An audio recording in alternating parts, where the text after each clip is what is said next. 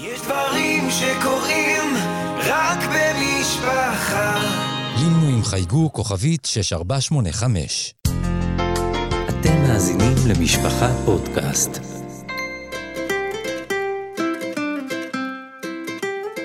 זמן סיפור סדרת סיפורים לילדים מתוך ספריית ילדים של משפחה.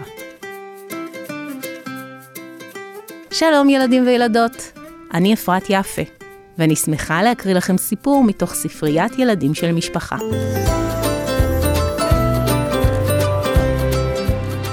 המחברת של עמליה, מאת חני לייזר.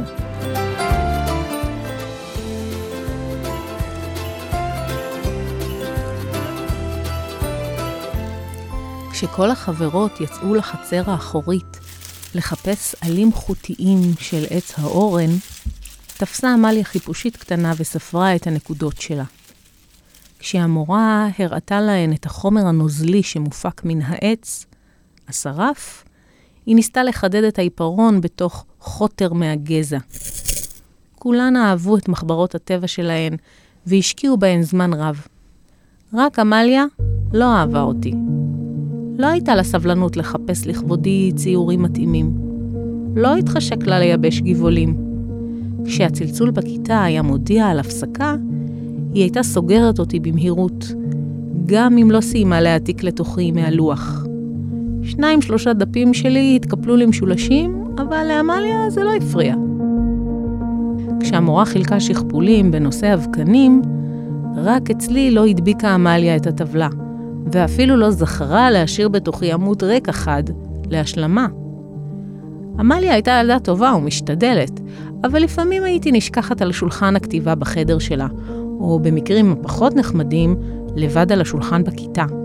וכשהמנקה הייתה הופכת עליי את הכיסא הגדול, הייתי נמעכת בכאב בתוך עטיפת הניילון שלי, מייחלת לעצמי שיבוא כבר הבוקר, ותלמידה חרוצה אחת תוריד ממני את המושב והפוך. ביום שלישי, כך הודיעה המורה חסיה, אאסוף את המחברות שלכן ואעשה בדיקה יסודית. אני נותנת לכן יומיים מראש כדי להתארגן ולהשלים חומרים חסרים. בקושי סיימה המורה את המשפט שלה, וכבר ביקשה שירי את המחברת של מירי. גיטי העבירה לאיטי, בינה השוותה עם מינה. כולן עברו על השכפולים, בדקו את התשובות, השלימו שורות ריקות, הדגישו כותרות ומחקו אותיות עקומות. לאה לגזרה מדבקות וחילקה ציורים כפולים של ענבים ואשכולות. כל החברות שלי עם מחברות הטבע התנפחו בחדוות יצירה, התמלאו ביופי ובחן. רק אני נפלתי בטעות על הרצפה, מתחת לסוליה של עמליה, נמחצת מתחתיה, מתפלשת בחידודים ובאבק. לא היו לי דרישות גדולות מעמליה. אהבתי אותה ככה, כמות שהיא. ילדה חמודה, בעלת עיניים שקדיות מבריקות, וקוקו קופצני מלא בטלטלים.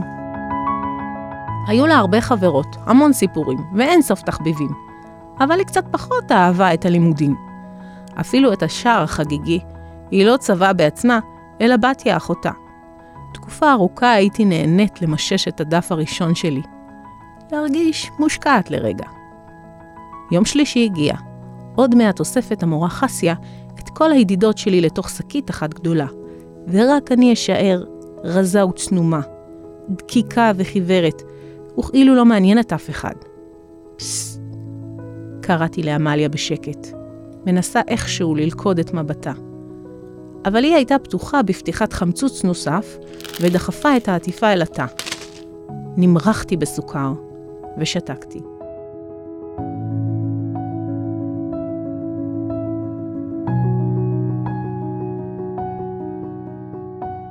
מחברות לכאן, הודיעה המורה, ומכל הטורים והשולחנות יצאו ילדות עם יצירות טבע בידיהן.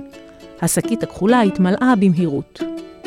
יש ילדות שצחקו וחייכו כל הדרך אל השקית. עמליה, לא. היא תפסה אותי בכריכתי, ניערה פירורים והופ, לשקית.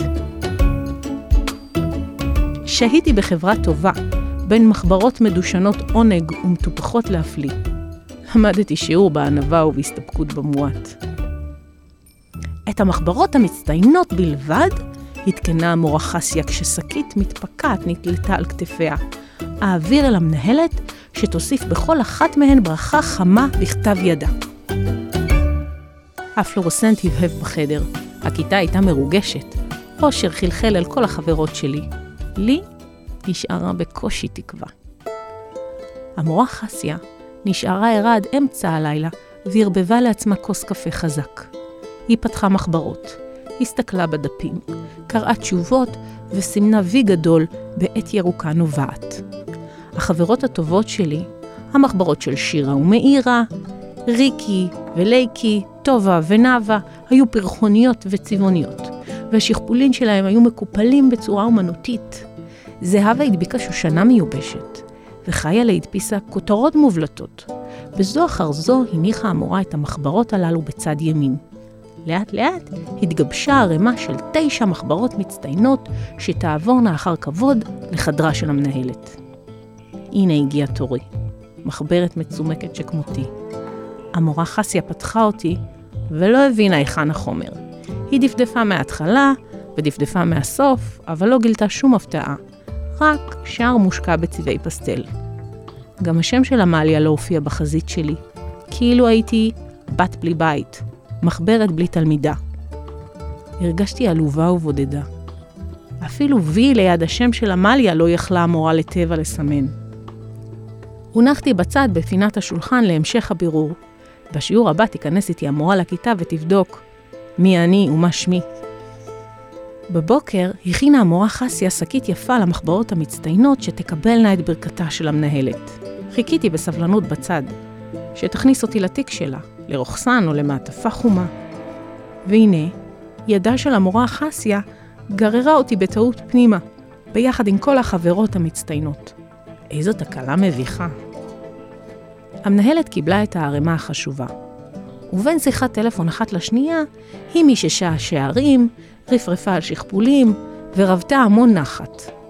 על כל מחברת היא כתבה מילים חמות ואישיות. ולסיום הוסיפה את חתימתה בכתב ידה המסולסל. ידידותיי היו שיכורות מאושר. אני רעדתי מפחד. עוד רגע היא תגלה אותי שדופה ועלובה. הכריכה שלי הזיעה מרוב מתח, והשורות היטשטשו בעיניים.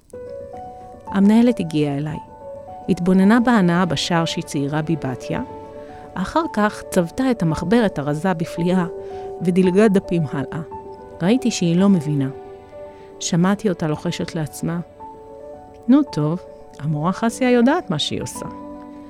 ואז, בצורה חגיגית מאוד, פתחה המנהלת את הדף האחרון הכתוב, שהוא הדף הרביעי או החמישי מההתחלה. הניחה ברכה לבבית, ועוד כל מיני מילים נעימות כמו רצינות, השקעה, טעם טוב, כתב יפה, וחתמה את שמה בכתב מסולסל. זהו, כל המחברות חזרו לשקית, וחיכו למורה חסיה שתחלק אותן ביום חמישי. כולן היו תפוחות באושר, השוו ביניהן את הברכות, ורק אני הצטנפתי בשקט. הייתי נבוכה. המורה חסיה ביקשה ממאירה לחלק בחזרה את המחברות לבנות הכיתה. הייתה התרגשות באוויר. גם עמליה קיבלה אותי בחזרה, וכמעט דחפה לילקוט ללא שקראה את המילים של המנהלת. לא רציתי שתפסיד. התנענעתי בכל הכוח. נפלתי על הרצפה. דגדגתי את הסוליה שלה. רק בסוף היא הבינה את הרמז, ופתחה. הופתעה לגלות את כתב ידה של המנהלת בהקדשה אישית לתלמידה המצטיינת. היא קראה בשקט, קראה בקול, סיפרה לחברות, הודדה למורה חסיה שלא בדיוק הבינה על מה, ואצה רצה הביתה להראות לאימא שלה שתרווה נחת. מאותו יום חמישי, בשעה האחרונה של שיעור טבע, הרגשתי שחל בעמליה שינוי רציני. פתאום היא החליטה להשקיע ביותר. להזריח כותרות, להשלים שכפולים, לייבש עלים מופרכים ולהעתיק תשובות מלאות. פתאום התחלתי להתעבות, והשורות שלי החלו להתמלא. היה בי את כל החומר, והמון מדבקות מסביב. והשינוי לא נעשה דווקא בי. עמליה הפכה לתלמידה אחרת, חדשה, עד שאני בעצמי כמעט לא זיהיתי אותה. אם המנהלת בעצמה חושבת עליי ככה, שמעתי אותה צוחקת ערב אחד עם אחותה בתיה, אז מי אני שאחשוב אחרת? אז נכון, אולי הייתה פעם מחברת טבע שדופה בלי עלים, אבל בזכות טעות אחת קטנה גדולה, עכשיו אני מחברת לגמרי אחרת.